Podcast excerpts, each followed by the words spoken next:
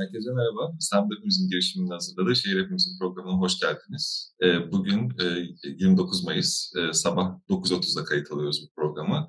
E, ikinci tur seçimlerinin hemen ardından yapıyoruz bu programı. Ekipçe karşınızdayız. İstanbul Hepimizin girişimi gönüllüleri, aynı zamanda Şehir Hepimizin programı moderatörleriyle birlikteyiz.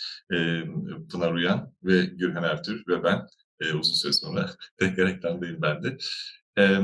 Evet, e, ayağımızın tozuyla diyelim hemen 29 Mayıs sabahı bu programı yapmak, kendi düşüncelerimizi, düşlerimizi, yorumlarımızı paylaşmak istedik. Ben o zaman öncelikle sizlere hoş geldiniz, günaydın diyerek başlayayım. Ve ilk sorumu, ilk, sor, ilk sorumu hemen sorayım sizlere. Bu ikinci turun sonuçlarını, tabii şu anda resmi olmayan sonuçlardan bahsedeceğiz ama sonuçlarını nasıl değerlendiriyorsunuz? Ve birinci turla ilgili bir program yapmıştık. Birinci tur, ikinci tur arasındaki gözlemleriniz nelerdir? Kampanyaya ya da vatandaşa dair gözlemleriniz nelerdir diyerek başlayalım. İsterseniz ilk kim söz almak ister? Gürhan ben hemen başlayabilirim. Buyurun. Ama önce belirtmek istediğim bir şey var. Ali şehir hepimizin ekranını sana biraz hasretti uzun bir aradan sonra. Tekrar ekranda seni görmek çok hoş. eminim izleyicilerimiz de aynı kanaati paylaşacaklardır. Evet ben özellikle sonuçların değerlendirmesinden çok süreci de, değerlendirmek istiyorum tekrar. Birinci programda olduğu gibi yani ilk turun ardından başlığıyla gerçekleştirdiğimiz programın devamı gibi düşünerek burada da son bir haftayı değerlendirmemiz lazım. Aslında seçim güvenliği dediğimiz zaman anlamamız gereken seçim tarihinin açıklanmasından itibaren başlayıp e, sandık gününe kadar uzanan bir dönemi kastediyoruz ve bu dönemdeki süreci kastediyoruz. İlk programda bu sürece ilişkin birkaç noktayı özellikle belirlemeye, belirtmeye çalışmıştım. E, aslında son bir haftada bunun e, tekrar çok yoğun olarak gerçekleştirdiği bir süreç yaşadık. Neyi kastediyorum?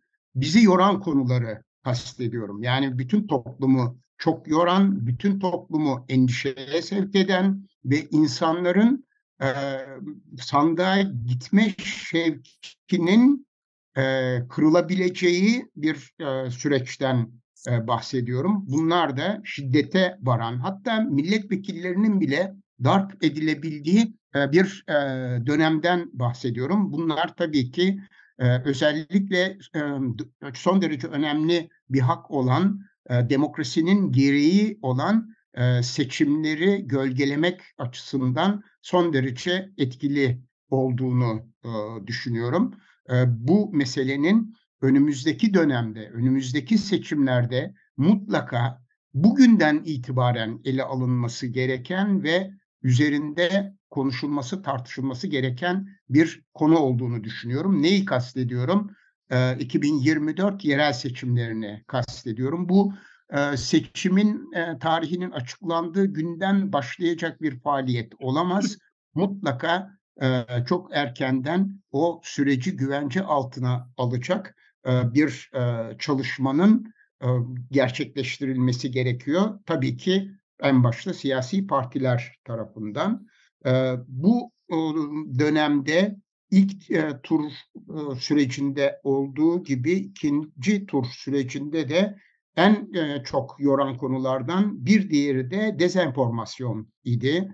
Çünkü hakikaten inanın yani belli çalışmaları yürüten insanlar açısından doğruyla yanlışı ayırt etmek, doğruya işaret etmek, yanlışı belirterek onu yayılmasını önlemeye çalışmak e, hakikaten çok zor, e, zor ve e, yorucu bir çalışma oluyor.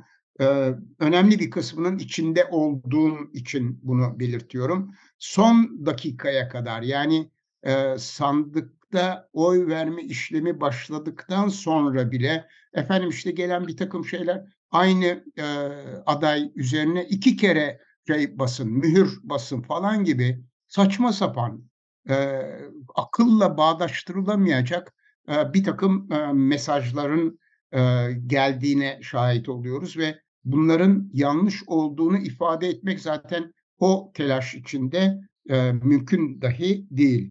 E, ben burada e, son olarak da medya kullanımı konusuna değinmek istiyorum. Burada da son derece adaletsiz bir e, durumla karşı karşıya kaldık. Aslında birinci turdaki önemli sorunlardan birisi buydu ama e, ikinci turda da maalesef e, bir parti, bir aday lehine e, son derece etkin bir medya kampanyasının yürütüldüğüne şahit olduk. Bunlar e, seçim sonuçlarını da e, çok e, etkileyebilir konular olarak e, kayda geçeyim ve burada sözü Pınar'a devredeyim. Merhabalar tekrar herkese. Belki şöyle söylemek lazım yani bir durmayı önemli görüyorum ben. Hepimizin sakince e, resmi çekmek için doğru soruları sormamız gerektiğini düşünüyorum.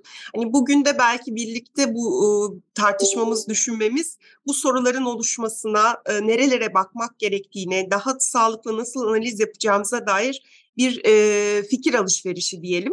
Belki dinleyicilerle beraber düşünmek diyelim. Şimdi e, Güran abinin söylediği bu e, işte yalan yanlış haber kısmını birinci turun ardından da aslında biraz konuşmuştuk. Bunun ben çok temel bir nokta olarak e, buna dair tartışmayı ve düşünmeyi e, belki en öncelikli e, nokta olarak koymak gerektiğini düşünüyorum. Hani sadece seçimde sandık güvenliği ya da işte oy verme sırası için değil, bizler aslında doğru soruları sorabilmek için ya da var olanın işte resmini çekmek derken neyin resmini çektiğimizi düşünebilmek için bile bilgiyle düşünüyoruz, verilerle konuşuyoruz. Ama o enformasyonun bize nereden geldiği, nasıl ulaştığı ve onun doğru olup olmadığı tartışması bugün e, hem Türkiye'de hem tüm dünyada çok belirleyici. O yüzden e, biliyoruz ki biz kriz durumlarında, biliyoruz ki olağanüstü dönemlerde e, işte kampanyalar, seçimler ya da deprem ya da işte pandemi dönemi gibi e, bu tür durumlarda da bu tam bir salgın haline geliyor. Yani yanlış haberin hızla yayılması ve ya da yanlış olduğunu bilsek bile onu bir türlü doğrusunu söylemeyi aynı oranda yaygınlaştıramamamız. Şimdi bunu bugün bu sabah tartışmak belki hani e, neyi konuşuyoruz diyebilir bazı izleyiciler, dinleyiciler ama hayır bu çok hayati çünkü biz bu aldığımız bilgiler üzerinden karar almaya çalışıyoruz. Aldığımız bilgiler üzerinden soru soruyoruz. Aldığımız bilgiler üzerinden kendi haklılığımıza ya da haksızlığımıza karar veriyoruz. O yüzden yani ister daha hani Türkiye özelinde işte e, seçimler önümüzdeki seçimler için işte yereldeki seçimler için olsun ister çok daha uzun vadeli baktığımızda hani demin daha önce de konuştuğumuz gibi oy kullanmanın ötesinde bir siyasi katılım bizim her zaman e, şehir hepimizin bağlamında konuştuğumuz çok daha kapsayıcı bir e, alan olarak siyaseti düşündüğümüzde bunun çok belirleyici olduğunu vurgulamak isterim. Yani bu seçim sürecindeki liderlerin, siyasetçilerin, medyada yer alan haberlerin, sosyal medyanın ki gene bizim yaptığımız araştırmalarda en çok çıkan WhatsApp gruplarıydı. Yani ailelerimizin WhatsApp gruplarında paylaşılan o sesli ya da görüntülü mesajların bunların etkisini gerçekten çalışmak, bakmak ve gör, analiz etmemiz gerekiyor. Yani hem bu dönemi anlamlandırmak için hem de bundan sonrası için daha sağlıklı nasıl e, bir iletişim e, yapılabilir, daha az e, yalanı içeren, daha az. Bu da çünkü her zaman e, kötü niyetle de olmuyor. Bazen e, çok daha iyi niyetli bir biçimde de insanlar yanlış haberi paylaşabiliyorlar ve işte bunu e, ister sosyal medya hesaplarından ya da ister kapalı gruplardan yayabiliyorlar. Yani bunun üzerine çok konuşabiliriz. Daha önce de konuştuk ve konuşmaya devam edeceğiz. Ama ben bunu hani birinci nokta olarak belirtmeyi kıymetli görüyorum. Her birimize gelen, erişen bilginin e, doğruluğunu teyit etmek, konuşmak, tartışmak ki burada bu tür yardımcı kurumlar da var.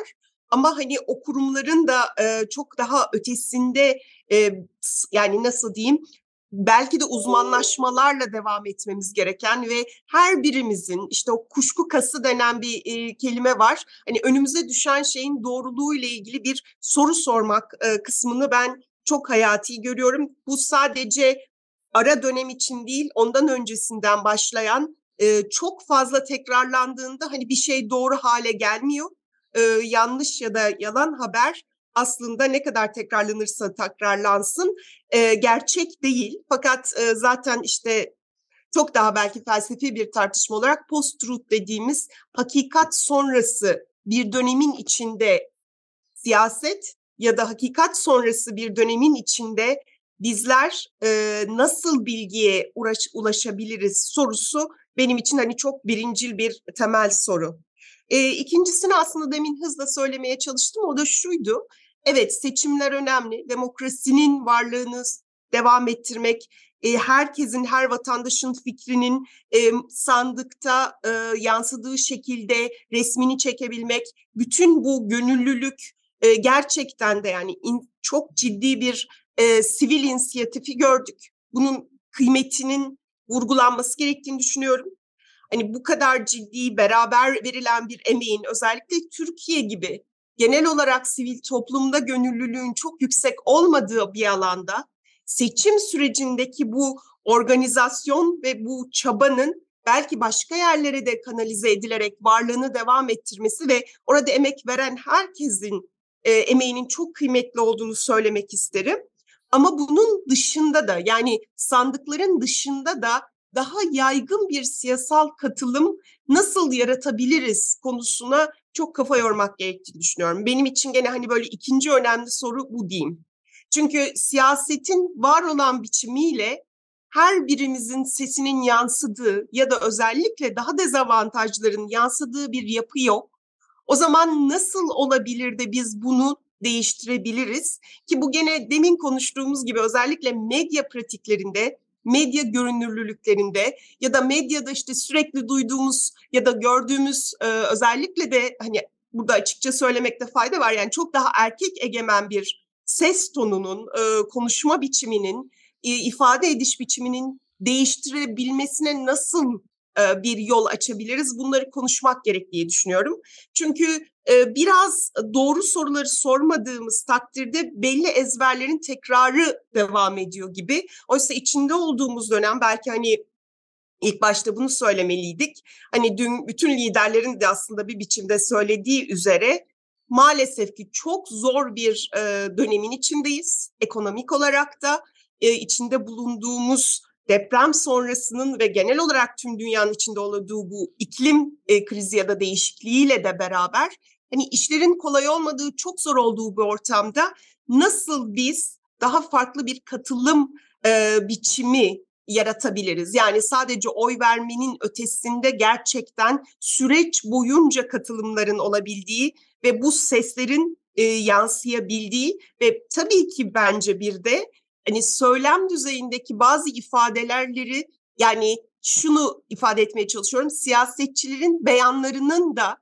e, toplumda aslında nasıl tepkiler yarattığının daha fazla duyulabildiği. Yani tek taraflı bir akış değil de çift taraflı bir alışveriş halinde güçlü olanın sesinin duyulması değil, başka başka seslerin ve renklerin de duyulabildiği bir alan açmak mümkün olabilir mi?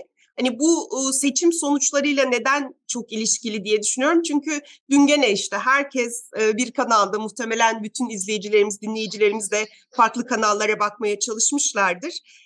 Farklı şekillerde gene kendi çoğu kanal için söyleyeyim. Kendi gözlüklerinden, kendi fanuslarından analizlerini yapmaya devam ettiler ve sanki 48 ve 52'yi tamamen blok halinde bize aktardılar. Halbuki biliyoruz ki o 48'in içi de çok çeşitli, o 52'nin içi de çok çeşitli.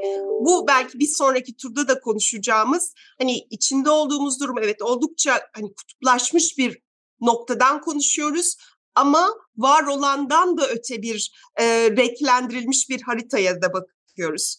Bunu belki son söyleyerek hani e, vereyim birkaç notum daha var ama bir sonra da söyleyebilirim. Haritalara baktığımızda şunu görüyoruz ya hani işte sarı kırmızıysa bütün orta sarı işte kenarlar kırmızı gibi aslında her sarının içinde kırmızılar var. Her kırmızının içinde de sarılar var. Bu çok önemli bir nokta. Bunu anlamamız gerekiyor. Yani bir ilde en çok oyun orada çıkmış olması o ilin tamamen tek bir e, hani belki birkaç tane gerçekten çok yüksek oranının dışında her birinin içinde o çeşitliliğin olduğunu bilmeyi gerektiriyor ki aslında şu an o sarı kırmızının içinde de oldukça ciddi oranda bir e, koalisyon var, farklılıklar var. E, altılı masanın kendisi zaten böyle bir e, çeşitliliği içeriyordu. Ama gene de şunu ben söylemek isterim. Hani orada temsiliyetin dışında da çok başka seslerin, başka dinamiklerin ve bizim belki her zaman vurgulamaya çalıştığımız yerelin kendisine ait sorunların ve seslerin e, siyasal alanda daha rahat çıkabileceği mekanizmalara dair çok ciddi kafa yormak gerektiğini düşünüyorum. Hani benim için belki ikinci, üçüncü e, vurgulamak istediğim şey de hani bu sorulara yanıt vermenin gerçekleşme biçimini bile hani sadece e, tırnak içinde o çok bilenler tarafından değil de e, farklı katmanlarda, farklı düzeylerde beraber düşünerek yapmaya e, önermek istiyorum diyeyim. Yani benim için şu an öncelikle hani bir sakin analiz yapmak için doğru verileri ve doğru soruları sormaya e, hepimizin enerjisinin olmasını e, vurgulamak isterim diyeyim. Evet Pınar son derece önemli e, noktaları e, ortaya koydun. E, belki Ali'ye de e, Ali'nin sorusunu sorarak ilerleyebiliriz. okay. e, yani sen nasıl değerlendiriyorsun özellikle birinci turla ikinci tur arasındaki e, süreci ve tabii ki e, seçim gününü. Seçim sonuçları evet. açısından sormuyorum bu evet. soruyu ama e, sen nasıl hissettin? E, ikimizden de, de daha genç e, evet. bir arkadaşımızsın. Estağfurullah. Geliyor. ee, yani, öncelikle şey diyeyim ben sonuçta ben hikayeciyim. Dünyayı, hayatı hikayeler üzerinden e, aktaran, hikayeler üzerinden e, düşünen, düşküren bir insanım. E, e, Pınar'ın bıraktığı yerden aslında o kadar çok alan açılıyor ki konuşmak için ama hep şu var ya şimdi bir ekrana bakıyorsunuz. Ekranda oylar sayılıyor ve geliyor yüzde elli pıt bir şey dediğimiz zaman birden koca bir ilin rengi değişiyor birden. E, şey gibi görüyorsun. Evet hani şey gibi aslında bir devre mantığıdır. Yani bakın zaman çok bu, bu dijital bir şeydir. Sıfır bir mantığıdır. Aslında hani zaten bir yandan çok dijital bir dönemden bahsediyoruz. Analog dönemdeyken işte renklerin bin bir türlüsü vardı. Devre içerisinde farklı frekanslar olabilirdi. 0-1 olmazdı. Ara kırılmalar da olurdu. Şimdi ise tam 0-1. Mesela aynı şekilde şey hani bilgi kirliliği dediğimiz şey aslında Türkçe'de çok güzel bir tabir var ya yaygaracılık. Aslında tam bir yaygara hani bir e, siyasiler varsa kendileri üzerinden söylem üreten bir yandan da vatandaş olarak yapabileceğiniz şey kendinize dair bir alan açmak istiyorsunuz sosyal medyada yaygaracılık yapmanız gerekiyor aslında bakıldığı zaman. Dolayısıyla yani aslında şuradan anlatmak isterim. Çok konuşulacak konu var bu 0-1'e dair bir yandan hepimiz hani belki ilkokul kitaplarımızdan hatırlarız. Anadolu'nun ne kadar renkli bir coğrafya olduğu, her rengi olduğunu sürekli böyle çok renkli bir e, e, Türkiye e, düşünerek en azından çocukla çocukken aklımıza düşürülen tabloda bu renklerin ne olduğunu belki bilmiyoruz. Hani neye karşılık geldiğini bilmiyoruz. Bu çok kültürlülük, çok renklilik ne demek bilmiyoruz ama e, bir yandan da böyle bir tahayyülden Nasıl oluyor da biz şu anda sadece iki renkli ki bunlar da aslında renk bile değiller. Oraya bir grup mavi koyuyor, kırmızı koyuyor, yeşil koyuyor, bilmem koyuyor. istediğinizi koyabilirsiniz ama temel olarak sadece siyah ve beyazın olduğu. Bir, bir dağılımdan bahsediyoruz ki normalde aslında literatürde zaten siyahla beyaz renk olarak bile e, kabul edilmiyorlar açıkçası. Bir tane varlık, bir tanesi yokluk. Dolayısıyla e, şimdi aslında şöyle düşünmek lazım. Hani senin bıraktığın yerden Pınar. Bir muhasebe yapmamız gerekiyorsa yapmamız gereken muhasebe cidden dışarıda mı? Yani ülkenin renkleri mi cidden yok oluyor? Yoksa biz ülkeyi görme e, biçimimizde sadece siyah beyaz mı üretmeye başlıyoruz? Mesela bu WhatsApp grupları demen çok anlamlı oldu çünkü herkes gibi bir e, geniş aile WhatsApp grubunun içerisindeyim. Ve fark ettim ki orada normalde sadece iyi gün kötü gün haberleri, doğum, işte vefat haberlerinin paylaşıldığı bir grubun içerisindeyim. Ve o gruptaki yani çoğunlukla hani nasıl diyelim hani kenarda duran çoğunlukla bakmadığımız çok yoğun şeylerin aktığı bir yerde.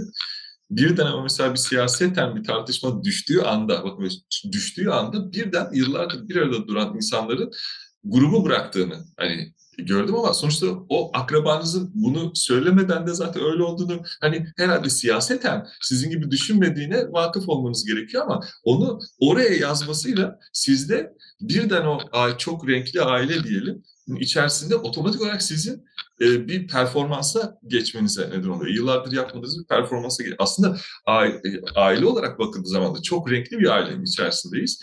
Ama çok renkli bir ailenin içerisinde biz 0-1'e yani oy kullanmaya gittiğimiz zaman sol tarafa ya da sağ tarafa oy vermenizi beklendiği e, bir tablo içerisindeyiz. Dolayısıyla aslında bence bir yerden sonra e, yeni açılan çok önemli bir iki alan olduğunu düşünüyorum. Bir tanesi bir muhasebe varsa bunun tamamen içsel bir muhasebe olması gerektiğini düşünüyorum.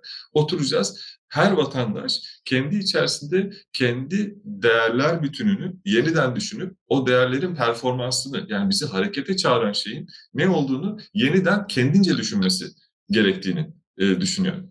Bir de bir yandan da şunu unutmamız gerektiğini düşünüyorum. Biz var olan bütün e, kodlarını bildiğimiz son seçime gittik. Yani bu ne demek? Bu seçimde kullanılan her şeyi daha önce biz gördük. Yani ne diyelim işte hani diyorlar ya montaj diyorlar bilmem ne diyorlar. Biz bunların şu ana kadar dijital dünyada sosyal medya kullanımı olsun, bunları tabii ki artık belki uçlarda yaşıyoruz. Ama bunların hepsinin siyaseten kullanıldığını gördük. Ama bundan sonra e, bambaşka bir alana giriyoruz. O da artık hayatımızda bir yapay zeka var ve ben cidden yapay zekanın bu kadar kullanılmayacak olduğunu tahmin etmiyordum bu seçimde.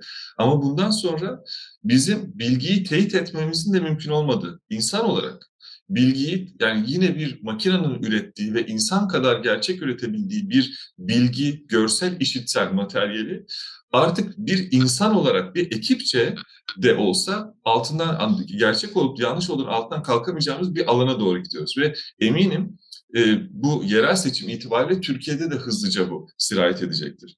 Ve burada şöyle bir durum olacak. Yani şu ana kadar e, refleks olarak şunu diyebilirsiniz. Bu montaj, şantaj, x, y, z bakarak direkt eleyebilirsiniz bunu. Ama bundan sonra onun sizin de diyemeyeceğiniz kadar keskin bir şekilde üretilecek ve benim öngörüme göre görüp dokunamayacağınız yani kendinizin e, en yakınınızdaki e, görüp inan, e, e, görüp de işitemeyeceğiniz her şey sizin için e, gerçek, öncelikli olarak gerçek olmayacak. Anlatabiliyor muyum? Yani öyle öyle diyelim. Ya dolayısıyla bütün mekan kullanımımız, uzan kullan uzan kullanımımız, ilişki biçimimizin değişeceği yepyeni bir alandan bahsediyoruz. Bunun daha ne olacağını kimse bilmiyor. Yani öyle diyelim. Ve bunun siyasi karşılıklarının ne, nasıl olacağını bilmiyoruz. Yani şunu diyebiliriz. Dijitalleşmeyle beraber son 20-30 senenin ürettiği siyaset tablosu dünyada çok bellidir. Kutuplaşma siyaseti. Yani Türkiye hani biz Türkiye'de bundan çok farklı olduğumuzu düşünüyoruz ama Türkiye direkt olarak uluslararası anlamda olan o, o, o siyasi tablonun bir uzantısıdır aynı zamanda. Bu dijitalleşme dönemiyle yaşadığımız siyasetti. Tamamen siyahlara beyazlara muhtaç e, ya da muhtaç demeyelim. Onu üreten e, bir e, kamusal alan. Şimdi ise artık şöyle diyelim, bu süreçte de bu verinin yüzde 99.99 bizle aynı DNA'yı paylaşan insanlar tarafından üretilen bir e, verinin e, muhatap olduğumuz bir noktadayız. Şu anda ise hiçbir şeyini paylaşmadığımız, belki yakın vadede işte bu ya bir de yapay genel zeka da olduğu zaman yapay zeka tarafından üretilen, e, bize hiçbir ortaklığı olmayan, öyle diyelim yani en DNA olarak diyelim, olmayan bir bir mekanizma tarafından üretilen bilgiyle muhatap olduğumuz zaman nasıl bir dünya olacak? Ne nasıl bu işte bu iklim krizi yakın önümüzdeki işte göç bütün bu problemleri nasıl ele alacağımıza dair bilmediğimiz yeni bir alan açılıyor. Dolayısıyla belki onu biraz öteleyebiliriz bunu. Ama bu aslında temel sorumuza tekrar bağlanıyor. İnsan, bu çağda insan olmak nedir sorusu birey olarak hisler, korkular gütmek, hayatta kalmak, e, göç etmek zorunda kalmak, iklim kriziyle ulaşmak nedir sorularını kendi içinde muhasebesini vermeden e, ne yani zaten e, var olan taşları dünya olarak yerinde tutamıyoruz. Bir de bunun üzerine buradaki dinamikleri yapay genel zekaya doğru da yavaş yavaş teslim etme durumuna doğru ilerlerken göreceğiz diyerek sözü bırakayım yani. Şöyle belki yani aslında benim o hakikat sonrası dediğim şeyin gerçekten e, bu yapay zekadan önceki tartışma şu an daha da farklı bir yere geleceğini hatırlatmış oldun ki çok haklısın. İlk kez biz bu dönem e, Ali de ben de üniversitede ders veriyoruz. Bu dönem işte yapay zekalı dan yararlanılmış ya da kullanılmış e, kağıtlar, sınavlar, e, işte ödevler gördük ve hani bu daha yeniydi. E, bu süreci öğreniyoruz. Nasıl on, öğrencilerimiz nasıl öğrenebilir, biz neler yapabiliriz bunu anlamaya gayret ediyoruz. Ama evet bir seçim kampanyasında ya da bir siyasal alanda kullanılması bizim daha önce insanların en azından e, ürettiği bir e, hakikati sorgulatma sürecinin yapay zeka tarafından nereye döndürülebileceğini, çok daha fazla etkin kullanıldığında neler olacağına dair sorular çok haklı. İki tane şey eklemek isterim. Ee, bizim e, kutuplaşmayı azaltmaya dair çalışmamızda çok vurguladığımız bir şey. Bu siyah beyaz bu bilişsel kapasite daha doğrusu karmaşıklık diyoruz buna. Yani Türkçe'ye öyle çevirmek daha doğru. E, çok kolay bir şey değil. Yani siyahların ve beyazların olduğu bir dünyada daha doğru kendimizi rahatça konumlandırabiliyoruz. Yani işte e, kendi tarafımızı daha rahat belirliyoruz ve diğer tarafın o anlamda siyah ya da tamamen beyaz olduğunu gördüğümüzde bulunduğumuz yerden daha emin oluyoruz. Oysa onların içinde yani her tonun içindeki o çeşitliliği farklılık koyduğumuz zaman iş biraz daha zorlaşıyor. Ve bu kadar çok fazla bilgiye maruz kaldığımız, sürekli e, yeni bilgiler edindiğimiz bir noktada da daha aşina olduğumuz grupların ya da işte liderlerin ya da siyasetin söylediğini doğru kabul ederek ilerlemeyi tercih edebiliyoruz. Çünkü o çok farklı, çok değişik, çok farklı renkleri içeren ya da işte o griliklerle yaşamak hiç kolay bir şey değil. Ama e, burada bence gerçekten de bu e, gene ara dönemde çok fazla olan ve hani göç, göçmen, göçmen karşıtlığının çok şiddetli bir biçimde yani yer yer e, maalesef bir nefret söylemine varan bir biçimde karşımıza çıkan bu ortamda e, belki de işte gene uzun dönemde tekrar tekrar konuşmamız gereken yani içinde olduğumuz dünya gezegeni aslında hepimizi bir biçimde çok yakın bir tarihte göçmen haline getirebilir ve burada yaptığımız bütün tartışmaların çok daha doğru ve sağlıklı bir biçimde yani problemleri, alandaki sorunları, yaşanan politikaların eleştirisiyle e, çok ciddi bir göçmen karşıtlığı ve nefret dilinin var olması arasındaki o çizginin bu kadar kaybolmuş olmasını çok ciddi bir konu olarak bence konuşmaya ve düşünmeye devam edeceğiz. Yani e, çünkü giderek artan bir biçimde farklı gördüğümüzü ötekileştirmenin dozlarını farklı farklı grupları olabiliyor bu hızla e, yeniden yeniden üretildiğini gördüğümüz ve genel olarak da milliyetçiliğin çok hızla yükseldiği bir dönemi de yaşadık. Hani belki bunu da e, bir not olarak koymak gerekiyor. Çünkü bu e, belki bir başka gene karşımızda eskiden çok olan şu an nispeten biraz daha azalan popülist siyaset dediğimiz yani biz ve onlar ayrımı üzerinden dayanan ve bizliğin sürekli meşruluğunu üreten bir dilin de farklı şekillerde, farklı defalarca yeniden e, canlanmasını da maalesef görüyoruz. O yüzden bu bütün bu konuştuğumuz hani hakikat ve hakikat sonrasını yeniden tekrar düşünmek çok hayati olacak ama e, senin söylediğin o bireysel öykülerimizin o toplumsalla nasıl dönüştüğüne de herhalde e, hep birlikte kafa yormak gerekecek. Çünkü evet birincil düzeyde belki hepimiz kendimize bir ayna tutup bakmamız gerekiyor ama o aynanın sonuçta orada yansımanın da bir aradalıkta veya da belli gruplar, belli kimlikler çerçevesinde e, neye dönüştüğü ve karşımıza koyduğumuz o öteki olarak koyduğumuzda nasıl e, daha var olandan çok daha büyük görüyoruz işte o aradaki farkları. Hani bunu da bunun neden olduğuna dair de kafa yormak gerekiyor. Belki orada işte senin çalıştığın sanat, ürettiğin e, sinema çok önemli bir araç. Bilmiyorum ne diye düşünürsün ama hani çünkü bazen bizim yazdığımız makaleler ya da yaptığımız akademik çalışmaların yaygınlaşmasından çok daha güçlü bir etkisi var sanatın. Evet, ya sanat özellikle yani şöyle diyelim ticari amaçla yapılmayan sanat diyelim yani sonuçta sinemada ticari amaçla yapılan bir e, tabii ki çok büyük bir alan da var. en azından sanat gayesiyle e, bir ilişki kuran sanatçılar, en azından toplumla ilişki kuran sanatçılar tabii ki daha çok sorular üzerinden, var olan toplum anlamak üzerinden bir refleks geliştirdiği için e, onların tartışmaya açtığı şeyler, onların performatif olarak gösterdiği şeyler, yani ekranda performansla gösterdiği şeyler çok önemli olduğunu düşünüyorum. Tabii ki yine şu problemi de hala baki tutuyor. Sonucu eseri tek yönlü bir iletişimden bahsediyoruz yine. Karşınızda sinema salonuna gidip ya da ekranda açtığınız karşı taraftan size bir veri geliyor. Yani bir bir yönetmen dediğimiz bir karar verici kişi, e, çoğunlukla erkek giderek neyse ki daha bir eşitlikçi alanına doğru da gidiyoruz. E, onları size tek yönlü olarak fikirlerini aktardığı bir aslında e, kitle iletişim e, biçiminden de bahsediyoruz. Tabii ki e, bu en azından çağla ilişkisi biraz daha zayıf öyle diyelim ama yine de bence çok önemli. E, çünkü bir yandan da bizim en azından dijital öncesindeki bir e, alanı da çok iyi e, bağlıyor ve en azından bizi iki saat boyunca dış şeyden bilgi kirliliğinden çıkarıp farklı bir dünyayı sıfırdan inşa ederek o dünyada bizim soruları yani yönetmenin sorduğu ya da karar vericilerin sorduğu soruları tekrar düşünmemize sevk ediyor. Dolayısıyla çok anlamlı olduğunu düşünüyorum. Sanatın e, dünya inşa etmesi, başka bir dünyayı bize mümkün kılması iki saat boyunca ve onun üzerinden kendi hayatımızı bize canavarca yeniden göstererek aslında belirli şeyleri fark etmemizi sağlaması e, çok anlamlı. Ama tabii ki biz de nefes alan insanlarız ve biz de bu toplumda yaşadığımızdan dolayı biz de aşırı şekilde polarize olan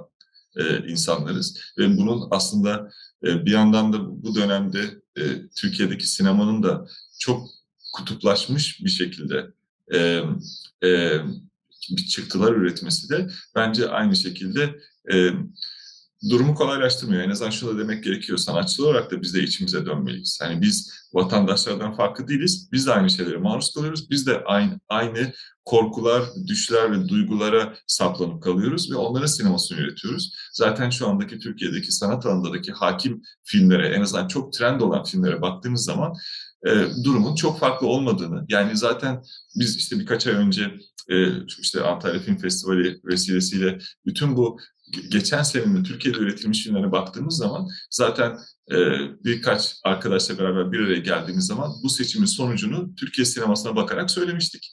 E, yani eğer böyle bir sinema üretip böyle bir sinemaya vatandaşlar olarak en azından kendini en, en azından sinema konusunda donanımlı olduğunu düşünen eleştirmenler, karar vericiler ya da sinema izleyicileri olarak bak, bakıp bu tarz filmleri alkışlıyorsak zaten bizim çanak tuttuğumuz şeyin ne olduğunu içeride dış performatif olarak çok net bir şekilde görüyorduk. Dolayısıyla zaten o yüzden benim için herhangi bir süreç dışarıda aramakla alakalı değil. Yani ben dışarıda cevabını bilmediğimiz bir şey olduğunu düşünmüyorum. Ama içindeki, içimizde cevabını önceden kabul ettiğimiz şeylerin temel problem olduğunu düşünüyorum. Dolayısıyla ülke bu.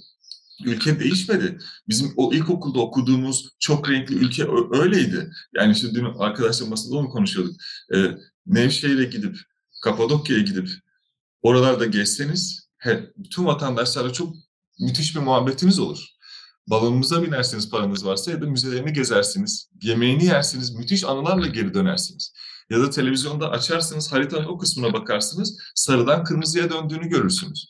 E, onun üzerinden nefret de kurabilirsiniz. Ama o coğrafyaya performatif olarak gittiğiniz zaman ağzınızda herhangi bir kötü tat kalmadan geri dönersiniz. Şimdi hangi Türkiye ile ilişki kurmak istiyorsunuz? Yani temel soru bu. E, anlatabiliyor muyum? Yani aynı şekilde WhatsApp grubundaki aile gibi düşünün. Tabii ki ben e, alsam sosyal medyadan 80 e, sevgili 80 milyon ben böyle düşünüyorum desem e, yani ülkenin e, büyük bir kısmı bana kin duyar. Ama ben o insanla masaya otursam Nevşehir'de ya da Trabzon'da ya da bir yerde o insanla masada oturup konuşuruz yani. Ve yani bu e, hiç farklı yani cidden cidden hani bu, bu tamamen şey nasıl diyelim e, bir 20 senedeki dijital çaresizliğimiz diyelim. Yani performansımız da o çünkü. Yani severim sevmem, like'larım, like, unlike'larım, takip ederim, takip etmem. Yani bu mudur ilişki kurma biçimimiz? Yani neyse yine çok uzattım lafı, kusura bakmayın. Sözü e, e, Gürhan Bey'e geri vereyim. Gürhan Bey, e, sizce önümüzdeki dönemde... Yok, o, o, oraya girmeden, sorunu tabii, tabii. almadan önce senin bu son söylediğin son derece önemli. e, bakın e, yani sandığa ister seçmen olarak, ister hem seçmen hem okul sorumlusu veya hem de e, sandık kurulu üyesi olarak e, veya müşahit olarak çok gergin girdi, gidiyoruz. Yani sabahın saat altısında okula girdiğimiz zaman acaba bir problem çıkacak mı? Acaba bir sorun olacak mı? Sekizde gelip oyunu kullanmaya başlayacak olan seçmenlerde de aynı duygu söz konusu. Fakat benim birkaç seçimdir kendi özel tecrübem eğer daha salona girdiğiniz andan itibaren sandık kurulu üyesiyseniz o insanlarla ilişkiyi farklı bir düzeyde karşıt olmadığınızı belirten bir düzeyde yürütmeye başladığınız andan itibaren çok hızla herkes sakinleşebiliyor. Veya içlerinden birisi bunu yaptığı zaman herkes sakinleşti, e, sakinleşebiliyor ve birbirini tanıma fırsatı ortaya çıkıyor. Yani e, sizin başlangıçta acaba kavga çıkacak mı, problem çıkacak mı, e, bir e, sorunla karşılaşacak mıyım diye korktuğunuz, endişe hissettiğiniz ruh hali birdenbire değişmeye başlıyor ve karşınızdakini anlamaya başlıyorsunuz. O da sizi anlamaya başlıyor ve sonuçta da çok sakin, dikkatli bir çalışmayı e, birlikte yürütme imkanınız oluyor. E, senin Kapadokya, Nide örneği aynı zamanda e, seçim sandığının bulunduğu sınıf odasında da e, aynı. İlginç, ilginç bir anekdot anlatayım. Dün bir arkadaş bir video gösterdi. E, işte sandıkta sayımlar yapılmış.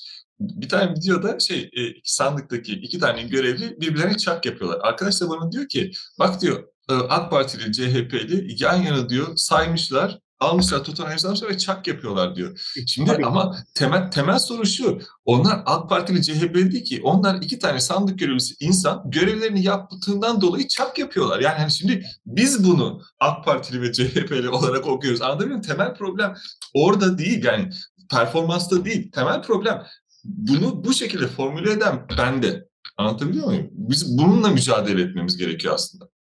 Evet. Bu ama bizim de yani hep sahada özellikle kutuplaşmayı azaltmaya dair bu illerde yaptığımız toplantılarda hani olan bir şey. Çünkü o kadar güçlü bir şekilde karşılaşmalar azalmaya başlıyor ki ve belki işte bugün yine soracağımız sorulardan bir tanesi bu olabilir.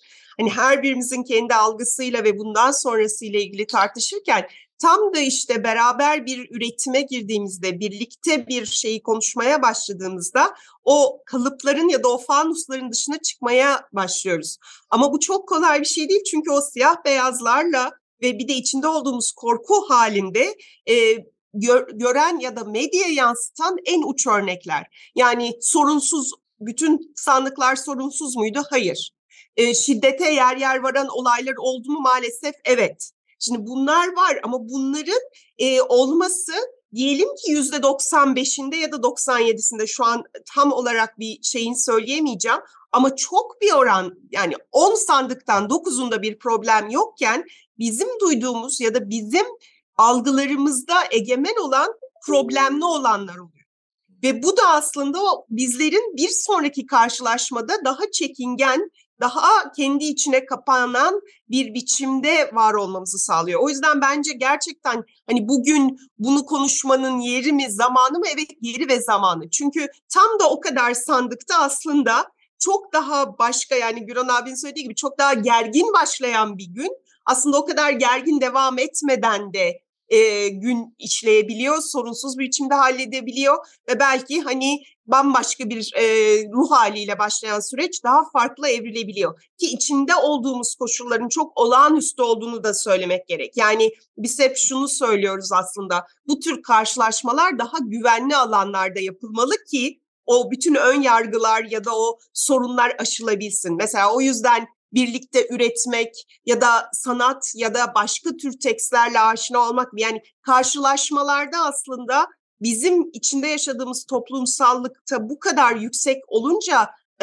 ön yargılar ve kutuplaşma düzeyleri daha güvenli alanlarda aslında ilk karşılaşmalar olabilmeli. Ama burada hani şu anda verdiğimiz örnekler bile bundan başkasını bile aslında olumluya çevirebilecek bir e, alan var. Fakat bu tabii bir e, duyma, dinleme, her şeyden önce bir karşılaşma e, imkanı yaratmaya dayanıyor.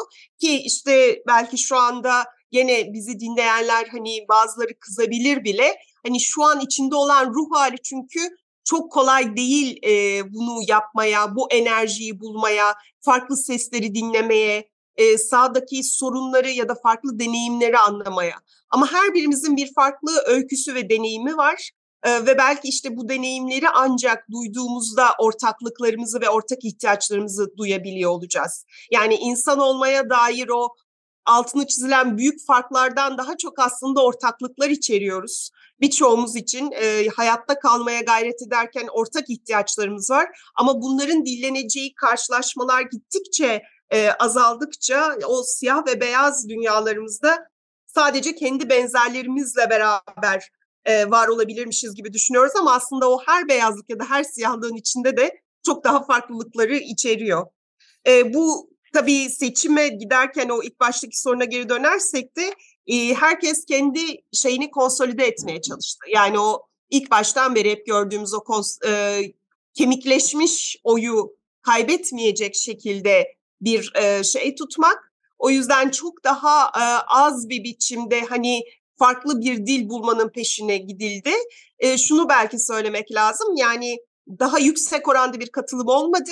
Hani 8 milyon aslında sandığa gidebilecek e, bir seçmen vardı. Onlar gitmediler. E, tabii aynı grup mu tabii onu daha detaylı bakmak lazım ama e, hatta yüzde iki oranında yüzde üçe yakında daha az giden oldu. Yani aradaki süreçte de e, İstanbul seçimlerimizde gördüğümüz sandığa daha önce gitmemiş bir grubun sandığa gitmesiyle neticelenmedi. E, zaten o aradaki e, tercihleri herhalde e, tekrar tekrar değerlendirir yapanlar diye düşünmek istiyorum.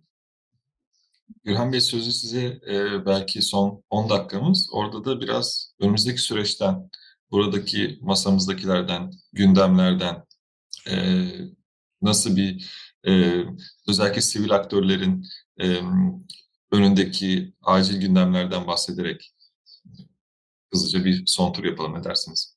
Evet, e, bunu birlikte yapalım tabii e, ama e, en önemli noktayı Pınar belirtti.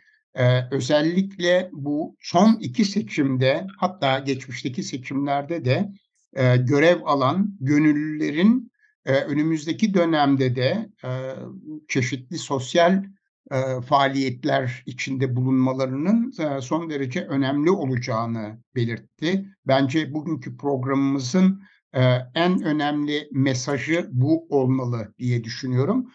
İkincisi şunu da belirtmek lazım.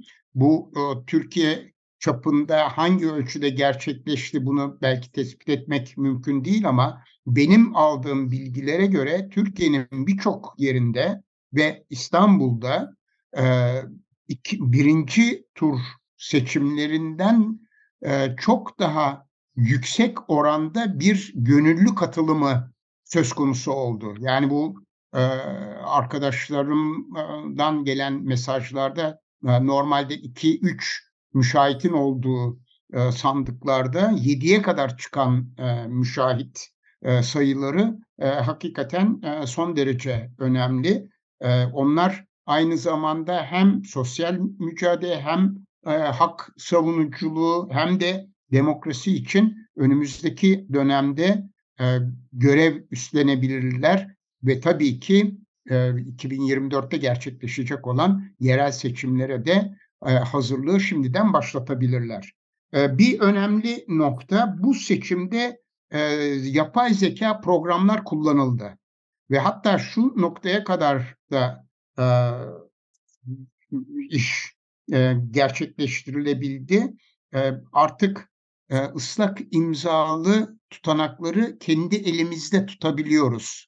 Ta ki o tutanakların e, fotoğrafla gönderilen örnekleri üzerinde bir problem olduğu tespit edildiği anda bizlerden o tutanaklar hemen isteniyor. Yani e, seçim sandık sonuçlarını aldıktan sonra, tutanak hazırlandıktan sonra bir fotoğrafını çekiyorsunuz ve e, ilgili olduğunuz e, partiye bunu gönderiyorsunuz. Orada yapılan değerlendirmeler sonucunda bir itiraz söz konusuysa işte o zaman ıslak imzalı tutanak gerekiyor.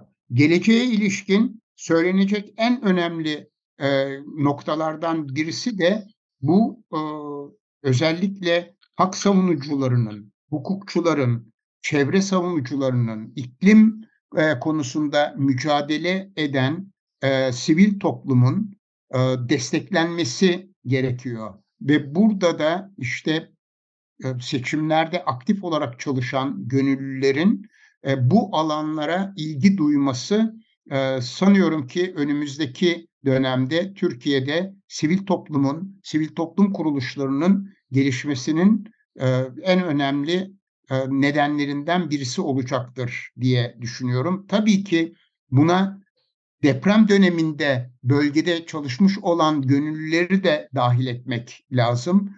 Onların da hem o bölgelerdeki çalışmalarını daha uzun süre devam ettirmeleri hem de diğer alanlarda sivil topluma destek vermelerinin son derece yararlı olacağı kanısındayım. Tabii bu arada sen e, sinemadan bahsettin. Merve Dizdar'ın Kanda kazanmış olduğu e, en iyi kadın oyuncu ödülünü de e, kutlamamız gerekiyor. Şehir Hepimizin programı ve İstanbul Hepimizin girişimi e, adına bu kutlamayı e, şu anda ekrandan gerçekleştirebiliriz diye düşünüyorum. Evet gerçekten hep birlikte çok onu ne diyelim hepimiz nedense çok kendi üzerimize de alındık bu şeyi. Çok tebrik ediyoruz. Bilmiyorum Ali de belki katılır bu hislerimize ama maalesef bunun da medyaya yansıması bir kutuplaşma şeklinde ceyran etti. Hani bu işte geldiğimiz durumun da gene bir örneği olarak karşımızda oldu. Bilmiyorum Ali eklemek istediğim bir şey varsa sana sözü vereyim. Bir iki tane cümle söyleyeceğim kaparken. E, burada tabii ki orantısal olarak bakmak çok zor. Şu bağlamda sosyal medyadaki bir yaygaracı e, bütün bu ülkenin sevinçle kucakladığı, sahip çıktığı başarıyı kendi sosyal medyadaki varlığı için o kişinin kendi işte hani sesini daha fazla duyulsun diye çünkü kötü cül düşünce çok daha etki yaratıyor. Duygulara çok daha hızlı dokunabiliyor sadece sosyal medyadaki sayılı sayıdaki hesaptan ya da kişiden yayılmış bu e, öfke dilinin e, ben e, yine bizim problemimiz olduğunu düşünüyorum. Benim için önemli değil. Ben bunu cidden çok önemli. Ben Türkiye'deki vatandaşların böyle bir başarı ne olursa olsun e, sahiplendiğini e, düşünüyorum açıkçası benim için çok önemli değil. Ya bu şey gibi sette de çok başımıza geliyor. Mesela bir oyuncuyla çalışırken e, oyuncu sosyal medyadaki kendisine yönelik bir paylaşımdan dolayı çok birden çok büyük mutsuzluğa kapıldığını gözlemleyebiliyorsunuz. E, ve o oyuncular da genel olarak şu şekilde konuşmaya çalışıyoruz. Ya o kişi zaten sen gündelik hayatındayken birden dur ve onu düşün ve onun duygusundan dolayı üzül diye yani kendi bireysel etki alanını büyütmek için zaten bu paylaşımı yapıyor. Çünkü iyi bir şey söylese sen durmayacaksın. Kötü bir şey söylediği zaman sen duruyorsun. Dolayısıyla yapabileceğin en iyi şey durmamak olur. Şimdi biraz böyle düşünmek gerekiyor. Yani şimdi ülkece biz Merve'nin, Merve Dizdar'ın bu büyük başarısını sahiplenirken durmalı biz durmamalı mıyız? Temel mesele bu bence açıkçası. Yani ben öyle bence çok iyi bir şey oldu çünkü bu algı dediğimiz şey işte yani e, algılarla maalesef yaşar hale geliyoruz ve o gerçeklikten çok o algı üzerine bu da e, çok somut bir örnek üstünden söyledin keyifle e, tebrik ediyoruz. Daha nice başarısına diyelim. E, çok ufak bir e, Gürhan abinin söylediğine eklerim var. Onlar da şu. E, açıkçası e, siyasal katılımın çok farklı biçimleri olabileceğini tekrar tekrar düşünmemiz gerekiyor. Yani siyasetin sınırları nedir? Benim kavramsallaştırmam oldukça siyaset bilimciler açısından da çok ana akımda değilim. Evin içini de bütün yaşadığımız alanları, güç ilişkilerin olduğu her yer aslında bir siyaset alanı. O yüzden bugün bu seçim döneminde çok farklı düzeylerde her e, farklı görüşteki kişi siyasetin çok içindeydi. Ki hatta e, çocuklar açısından bakarsak bile belki hiç olmadığı kadar e, okulların içinde çocukların kendi dilinde bu tartışmaları gördük. Bunları daha olumlu bir hale dönüştürecek, gerçekten kendimizi ilgilendiren kararlara, kendi alanımızdaki ister bir okul yönetimi olsun, ister evimizin yönetimi olsun, ister sitenin yönetimi olsun, şehrin olsun, her düzeyde e, aktif vatandaşlık e, dediğimiz katılımcılığı sağlayacak alanlarda düşünmeye, tartışmaya ve oradan dönüşümü, değişimi başlatmaya ihtiyaç var. Çünkü e, benim gözlemleyebildiğim, yani bir sosyal bilimci olarak gözlemleyebildiğim aslında e, iki tane şey aynı anda ceyran etti. Bir tanesi çok ciddi böyle bir ilgi ama bir açıda daha korku verici ya da daha umutsuzluk verici bir öfke, hayal kırıklığı, kopmalar ve hani buna bağlı olarak özellikle gençler açısından e, bir e, ne diyelim bağın ya da bağlantının ya da bu emek verilen e, şeyin özellikle şu an için hani yüzde 48 olarak algıladıkları ve hani kaybedilmiş bir seçim olarak gördükleri sürecin sonunda yaşanabilen hayal kırıklığı. Yani bunu daha farklı şekilde kurgulamak yani sadece bir sandıkla nihayete eren bir katılım sürecinin değil, katılımın çok farklı biçimleri olabileceği ve var olan siyasetin genelinden eğer memnun değilsek, var olan siyasetçilerin dilinden memnun değilsek, bunu değiştirebilmek ve dönüştürebilmenin ancak bu tür bir kapsayıcılıkla mümkün olabileceğini, hani ötekileştirilen her grubun ya da zaten hiçbir şekilde sesi duyulmayan ya da renkleri görünmeyenlerin renginin görünebilmesi için e, çok basit bir örnekle açıklamaya çalışayım. Kendisi zaten evde çocuk baktığı için hiçbir zaman bir toplantıya gidemeyen bir kadının o toplantılara nasıl gelebileceğini düşünüp bunun altyapısını kurmaya çalıştığımız bir alan açmaya ihtiyacımız var. Bu bir enerji gerektiriyor ama e, tam da demin Güran abinin söylediği gibi yani bu iki dönem arasındaki o gönüllülükteki artış bile aslında burada bir gücün, bir potansiyelin olduğunu gösteriyor. Bunun üzerine kafa yormak gerektiğini düşünüyorum. Sadece Türkiye için değil yani tüm dünya için eğer bu içinde olacağımız olduğumuz ve giderek büyüyen sorunları çözmek istiyorsak daha farklı bir biçimde siyasetin mümkün olmasını sağlamamız gerekiyor. En azından buna dair çabanın çok hayati olduğunu, varoluş e, mücadelesi olduğunu düşünüyorum. Bey, ekleyeceğiniz var mıdır? E, hayır, e, yerel seçimlere hazırlık için kollarımızı sıvayalım. Son söyleyeceğim bu. Bu e, güzel e, sabah sohbeti için çok teşekkürler. E, benim şahsen sizlerle konuşmak kendi havamı değiştirdi.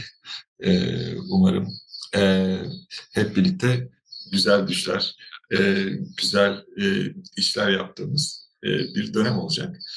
E, Evet, çok teşekkürler. Ben uzun süredir moderasyon yapmadığım için özellikle açılış ve kapanışta zorlanıyorum gördüğünüz üzere. Ee, çok teşekkürler zaman ayırdığınız için sevgili Pınar ve sevgili Güran Bey. Bu hafta biz aylar sürenin sonuna geldik. Önümüzdeki hafta yeni konuk ve konuklarla karşınızda olacağız. Şehir hepimizin de iyi haftalar. İyi haftalar. Hoşçakalın.